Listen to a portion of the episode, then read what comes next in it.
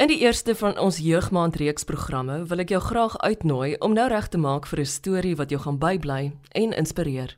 Alwyn Uys het destyds 'n pos beklee wat met sitrus uitvoere verband gehou het. Sy landbou agtergrond en wat hy daartydens geleer het, sou later 'n bron van hoop wees na sy lewe 8 jaar gelede onherroepelik verander het. Op RSG Landbou gaan jy vanoggend hoor hoe byna onmoontlike uitdagings oorkom is en hoe dat grense met dapperheid oorbrug word. Eers wou ek by die 31 jaar oue Alwyn hoor waarmee hy hom deesdae besig hou.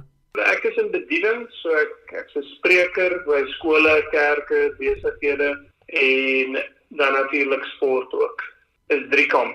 So is die Iron Man. Waarom drie kamp? Ehm um, ek vind dit die moeilikste ding om te doen, so ek kies ek maar dit. Alwyn, jy het 'n ongelooflike landbou agtergrond. Vertel my van jou pa en jou oupa se plase. Ja, so ek het ek het groot geword op 'n plaas. Dit was altyd eintlik my pa se plaas gewees. My pa self is nie 'n boer nie, maar ons is betrokke gewees by vrugte uitvoere. En ehm um, my oupa hulle het so 'n bietjie op 'n klein skaal geboer. En vandag is my oom eintlik die groot boer. Hy's 'n beesboer daar net by te Kimberley. Maar plaas is nog altyd in my are en in my familie. So dis maar hoe ek groot geword het ook. Dis iets wat baie naby aan my hart is. Sou jy sê dat landbou vir jou in die verlede waarskynlik toerusting gegee het om met jou huidige realiteite te kan saamleef op 'n dapper manier? Ek moet sê dit het my baie gehelp meer met die herstelproses. Geniet dit baie met die buitelewe te wees. So kort na my ongeluk was dit eintlik vir my 'n groot seëning geweest om net nog steeds in die buitelewe te kan werk en te kan uitkom So dit het meer te doen met die genesingsproses dink ek wat dit my baie gehelp het. Ja, so ek is 8 jaar terug eintlik in 'n kar ongeluk gewees wat my verlam het van die bors af onder toe. Ja, wat die gebruik van my bene weggeneem het. Waar het hierdie ongeluk plaasgevind? Dit is net by die Kirkwood gewees. Ek was van St. Francis af op pad Kirkwood toe en waar ek my oë net vir 'n sekonde van die pad afgevat en beheer verloor het van my voertuig en die volgende oomblik word ek wakker langs kant van die pad en jy kan nie opstaan nie. OK, as mense 'n boek lees, dan bespeer mense periode waar jy op moet verloor se vlakte gesit het. Vertel my van daardie tyd. Ja, kyk, ek sou sê omtrent die eerste 5 jaar was dit ontsettend moeilik geweest net om om vrede te maak dat hierdie het nou gebeur met jou lewe en waartoe gaan jy nou vorentoe van dit want ek het so vasgehak by die verlede. Dis al dit natuurlik altyd gehad het So as so ietsie gebeur wat jou lewe so heeltemal omkeer gooi, dan omdat jy moet heeltemal jouself hervind en en herleef basies. Jy vind jouself in jou liggaam en jy ken nie hierdie persoon wat jy nou in die spieël is nie. Jy weet wat nou in 'n rolstoel voor jou sit nie. So jou hele lewe is daarmee heen en dis by die reis uit en dan moet jy van voor af begin. Dan moet jy van scratch af begin en jouself weer vind. En dit is nie 'n oornagproses nie. Dit is om om jou hele lewe oor te begin. Vat jare net om gewoon te raak aan, net om te besef dat okay, hierdie het nou gebeur, maar die vraag wat ek net vir myself moet vra is, ek moet waar toe gaan 'n mens van hier af? Dan moet jy nou jou opsies kyk. Wat doen jy? Gaan jy nou net in jou kamer sit en in jou huis bly en jy weet krimpeer of gaan jy eintlik ietsie probeer maak van hierdie lewe, van hierdie onbekende situasie? Wat het gemaak dat jy daardie ommekeer in jou binnewêreld beleef het? Ek was op die punt om my lewe te neem en waar ek net gevoel het waar die Here net vir my sê dat hy is nog nie klaar met my nie, dat hy het nog steeds planne met my. En dit is ietsie so absurd op daai stadium want gegee my omstandighede, ons kyk net vas in die fisies. Dan was daar geen, daar was geen manier uit nie. Daar was geen hoop gewees nie kon nie terug aan werk toe nie, kon nie meer gedraf het en gehardloop het en rugby gespeel het en enige van hierdie goeters gedoen het nie. Ek het net die besluit eintlik geneem en dis dis waar die groot skuif gebeur het. Ek het die besluit geneem om te kies om te glo dat wat God nou vir my sê, gaan ek glo en hom opvat op daai woord en aanhou vertrou al lyk my buite omstandighede nie so nie, gaan ek kies om hom te glo. Waar het dit jou ondersteuningsnetwerk gedurende daardie moeilike periode bestaan? So dit was hoofsaaklik ek en my pa het 'n baie goeie band en hy was daar van dag 1 af. Ek, het ook saam hom gebly vir baie lank na my ongeluk en ehm um, so my pa stap stap die pad al van dag 1 af saam met my. Ek en hy is ons beste vriende en my ma ook natuurlik en my broers en susters, soos my nabye familie. En dan het ek ook 'n paar baie goeie beste vriende wat alles saam met my gedoen het, waar my net gehelp het deur alles van en natuurlik my familie ook my my weier familie, niggies en neefies en ooms en tannies en so. Ons is 'n baie groot familie, maar dit was absoluut tot my voordeel dat die tyd toe ek my ongeluk gehad het, was dit oor Desember vakansie. En hulle almal was daar in die area gewees.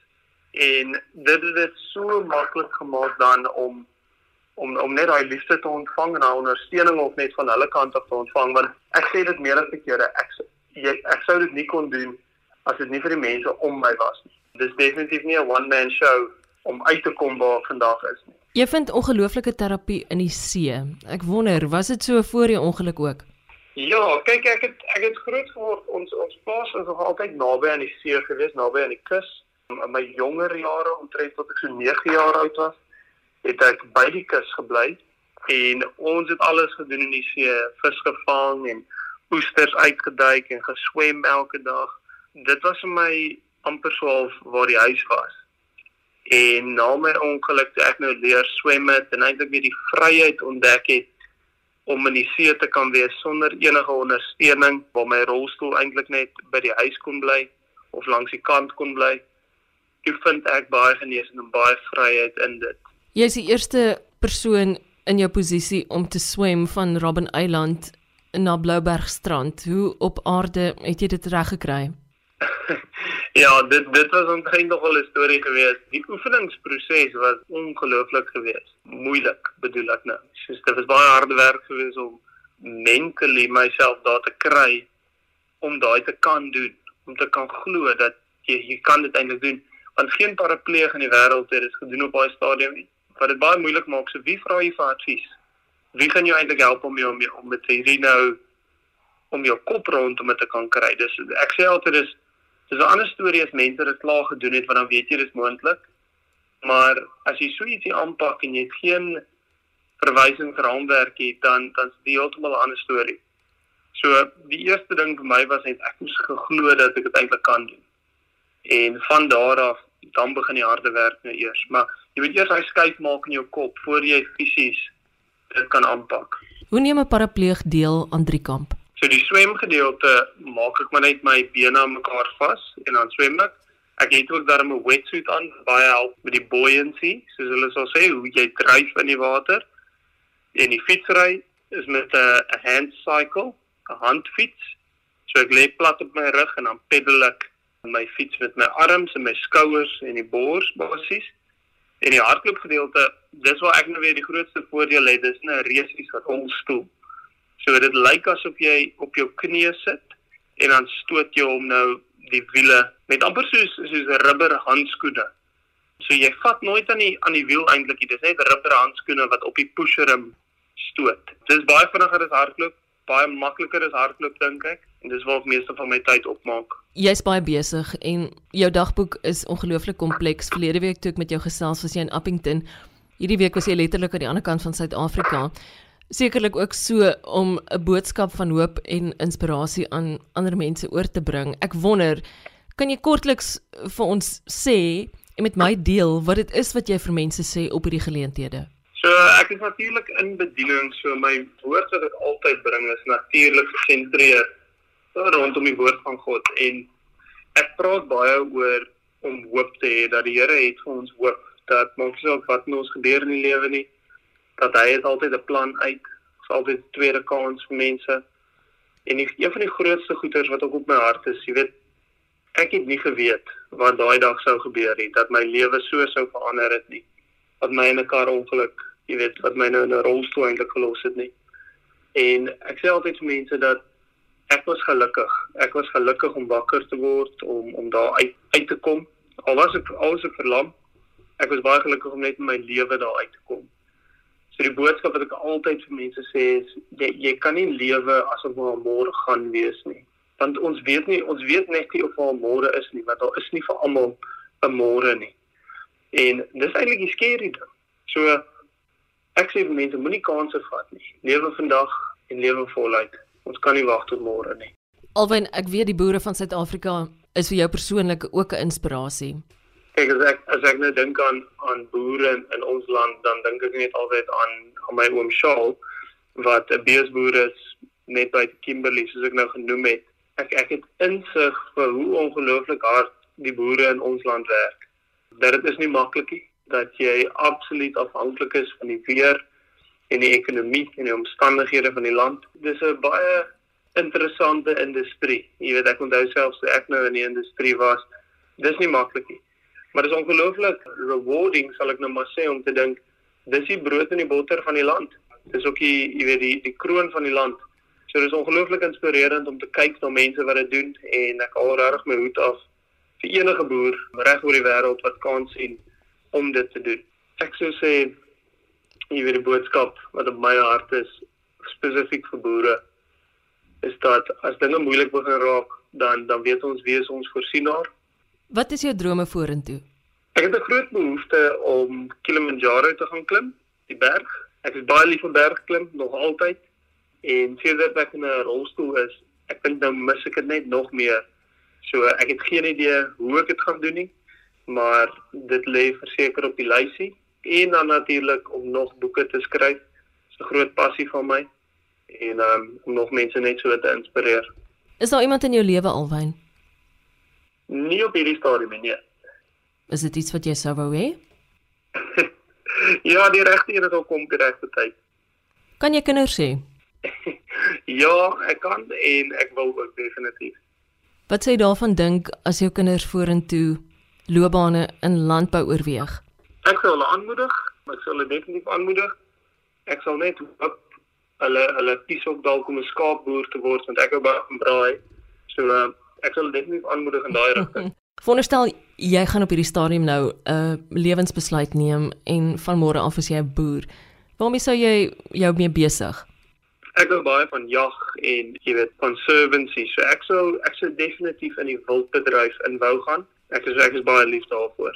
Mense vra jou gereeld, dit weet ek beslis, maar vir mense in jou posisie, wat is daar die eerste ding wat jy graag vir hulle sou wou sê, veral as hulle aan die begin is van hulle trauma en krisis? Ek sou sê dat dinge raak net beter. Dinge raak verseker beter as ek dink hoe ek was in die begin en met tyd raak dit beter. Mense raak sterker, jy leer hoe dit werk. Mens mens moet net altyd daai daai vlammetjie in die gang hou, veral in die begin, want die winde en die storm is maar sterk daarso, maar dit raak verseker beter en ek kan dit ek kan my woord gee daarvoor. Hoe bly jy fiks alwyn? Ehm um, ek is nogal baie lief vir swem en en fietsry, so ek sê 'n kombinasie van daai twee goeders is wat ek maar oor die algemeen doen. Wat van motorbestuur is dit iets wat jy kan hanteer in jou situasie? Ja, so hulle sit 'n handkontrole in enige outomatiese voertuig kan hulle omskakel en dan kan jy met jou hande ry. En dit maak ook die wêreld se verskil want as jy daai onafhanklikheid het, dan verander jou lewe ook. En ek onthou, dit was een van die eerste goed wat ek gedoen het na my ongeluk is om weer 'n voertuig te kry dat ek net self kan rondbeweeg en self besluit waartoe ek wil gaan, wanneer ek wil gaan so my ongeluk was op 24. Nou op daai ouderdom is 'n mens al redelik onafhanklik. Nou as mense jou moet rondry nog dan dit maak dit baie moeilik. Dit maak dit regtig baie moeilik en baie ek was ek was baie depressief geweest op daai stadium om te dink dat ek kan nêrens heen gaan sonder hulp nie. Partykeer wil jy ook maar net alleen mos vir 'n draai gaan ry. Die vryheid wat wat 'n wat 'n motorvoertuig vir jou gee was vir my ongelooflik. Woon jy op jou eie? op hierdie stadium ja. Ek is ek is absoluut mal oor die mense van Suid-Afrika. Suid-Afrikaners is so uniek. Ek was al 'n paar plekke in die wêreld en ehm um, ek dink jy ek sê dit omdat ek net Suid-Afrikaans is nie, maar Suid-Afrikaner is net die mees ongelooflikste geharde mens sal ek sê, maar tog het ons het ons hierdie sagte harte, omgee harte wat ons net jy weet vriendelik is met mense en maar tog kan ons het ons hierdie uithou vermoë binne in ons en dit is amper asof ons gekweek is in daai manier. En ek is ook so lief vir ons land jy weet daar is hoop vir Suid-Afrika en ek ek glo dat daar gaan nog ongelooflike goeders uit ons land uitkom wat die wêreld sal sien Alwen hoe is jy nie verbitterd nie Deur my ongeluk glad nie In die begin het ek ek het baie vrae gehad, maar ek was nooit kwaad gewees nie. Mens moet besef dat jy moet verantwoordelikheid neem vir besluit wat jy neem. En om in daai kar te klim dag my keuse gewees. Dit was my besluit gewees. Niemand het my gedoen doen nie. Niemand anders het bestuur nie en op niemand het my vasgery nie. As ek verbitterd wou wees, dan het wees oor my eie besluite, my eie keuses, maar die positiewe ding en die goeie ding hiervan is dat ek het ook die mag en die vermoë om my lewe om te draai. Dit is eintlik waar die ware geskenk lê. Is dat jy het die krag om dit kan doen. Jy het die krag om om jou lewe ook te verander. Alwyn Uys is ook die skrywer van 'n boek genaamd Ongeskonde. Binnekort besoek ons nog merkwaardige jong mense in ons jeugmaand programreeks. RSG Landbou word ondersteun deur die Wes-Kaapse Departement van Landbou. Ek is Eloise Pretorius en ek dank jou dat jy vanoggend saam geluister het. Mag die res van jou Saterdag inspirerend en betekenisvol wees. Totsiens.